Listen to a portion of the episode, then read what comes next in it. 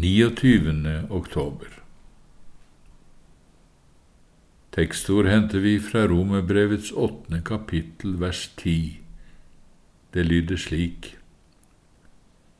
Og dersom, dersom Kristus er i dere, da er vel legemet dødt på grunn av synd, men ånden er liv på grunn av rettferdighet. Rosenius skriver Om noen spør hvorfor skal de troende dø når Gud har forlatt dem syndene deres? Døden er jo syndens straff. Da må vi svare at de troende dør er ingen forringelse av Kristi fullkomne soningsverk og vår fullstendige frihet fra lovens forbannelse. Deres død er på ingen måte noen straff eller hevn ut fra Guds rettferdighet. For dem som er i Kristus Jesus, er døden og all lidelse bare helsosamme rensemidler i deres Fars hånd, som skal prøve troen, rense ånden og løse dem fra deres fiender og lenker. Alt skal samvirke til beste for dem. Alt er deres, enten det er liv eller død. Dette har Kristi død utrettet. Der ble hele Guds lov fullkomment oppfylt.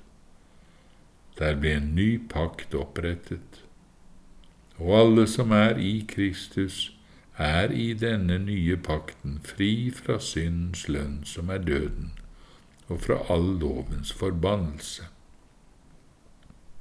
For dem er døden oppslukt til seier, og deres dødsdag er forvandlet fra å være en syndens straff til tvert imot å bli deres forløsningsdag fra døden og all elendighet.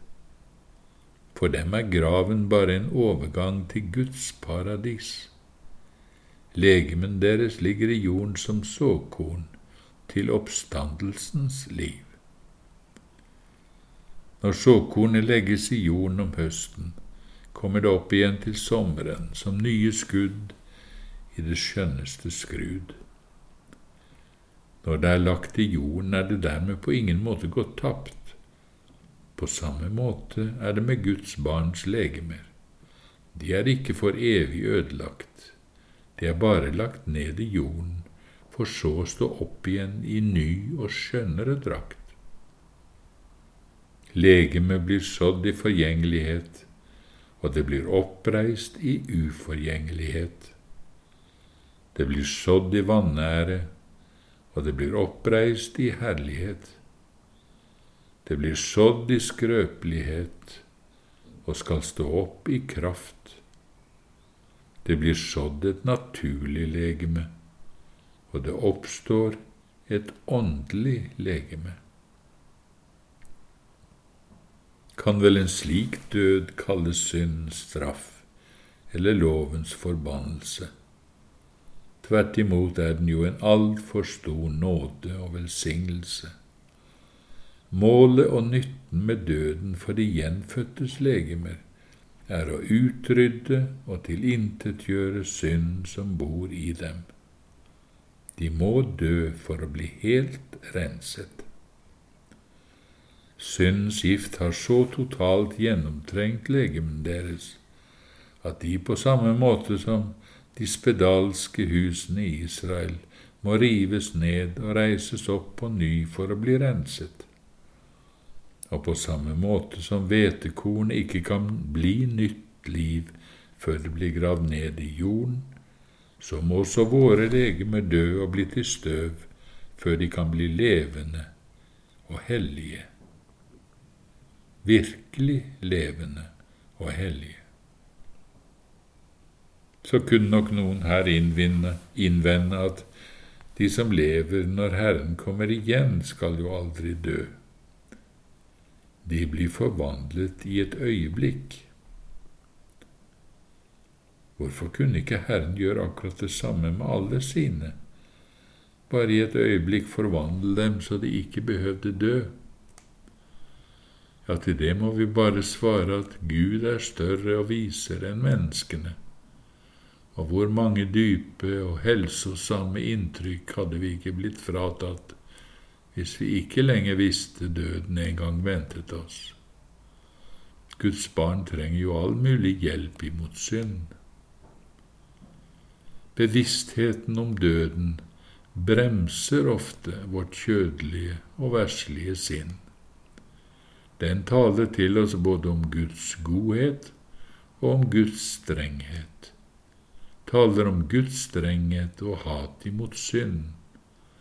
For synds skyld lot livets og frelsens Gud døden komme til verden.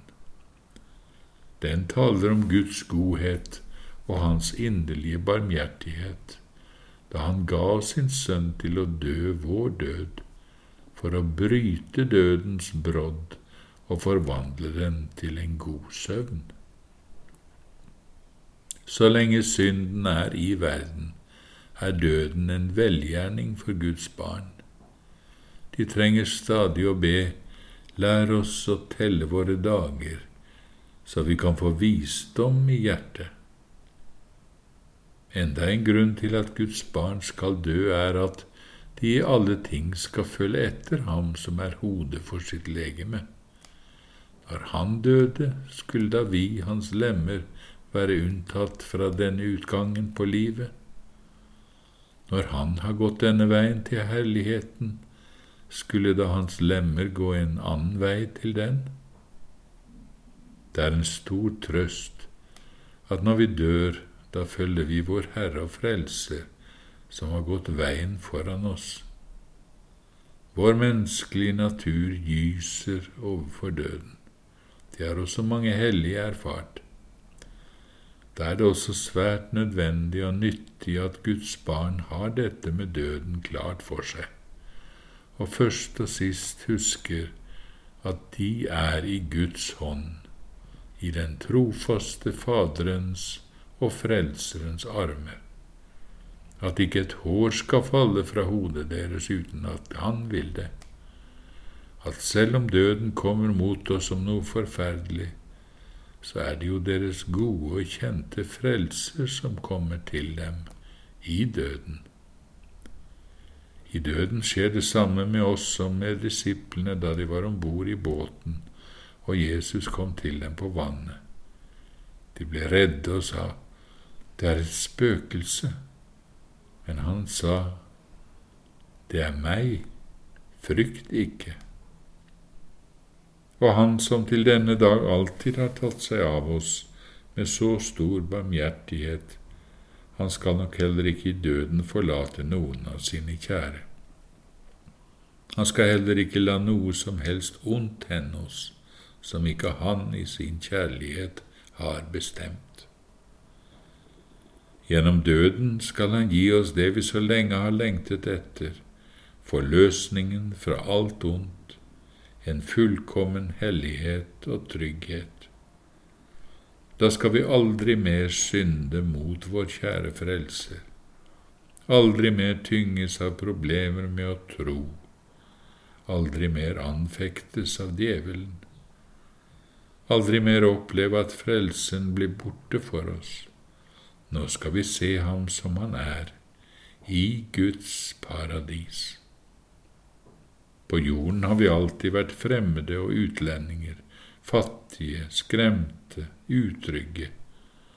Nå skal vi føres inn til vår arv i det himmelske riket, til den evige hvile.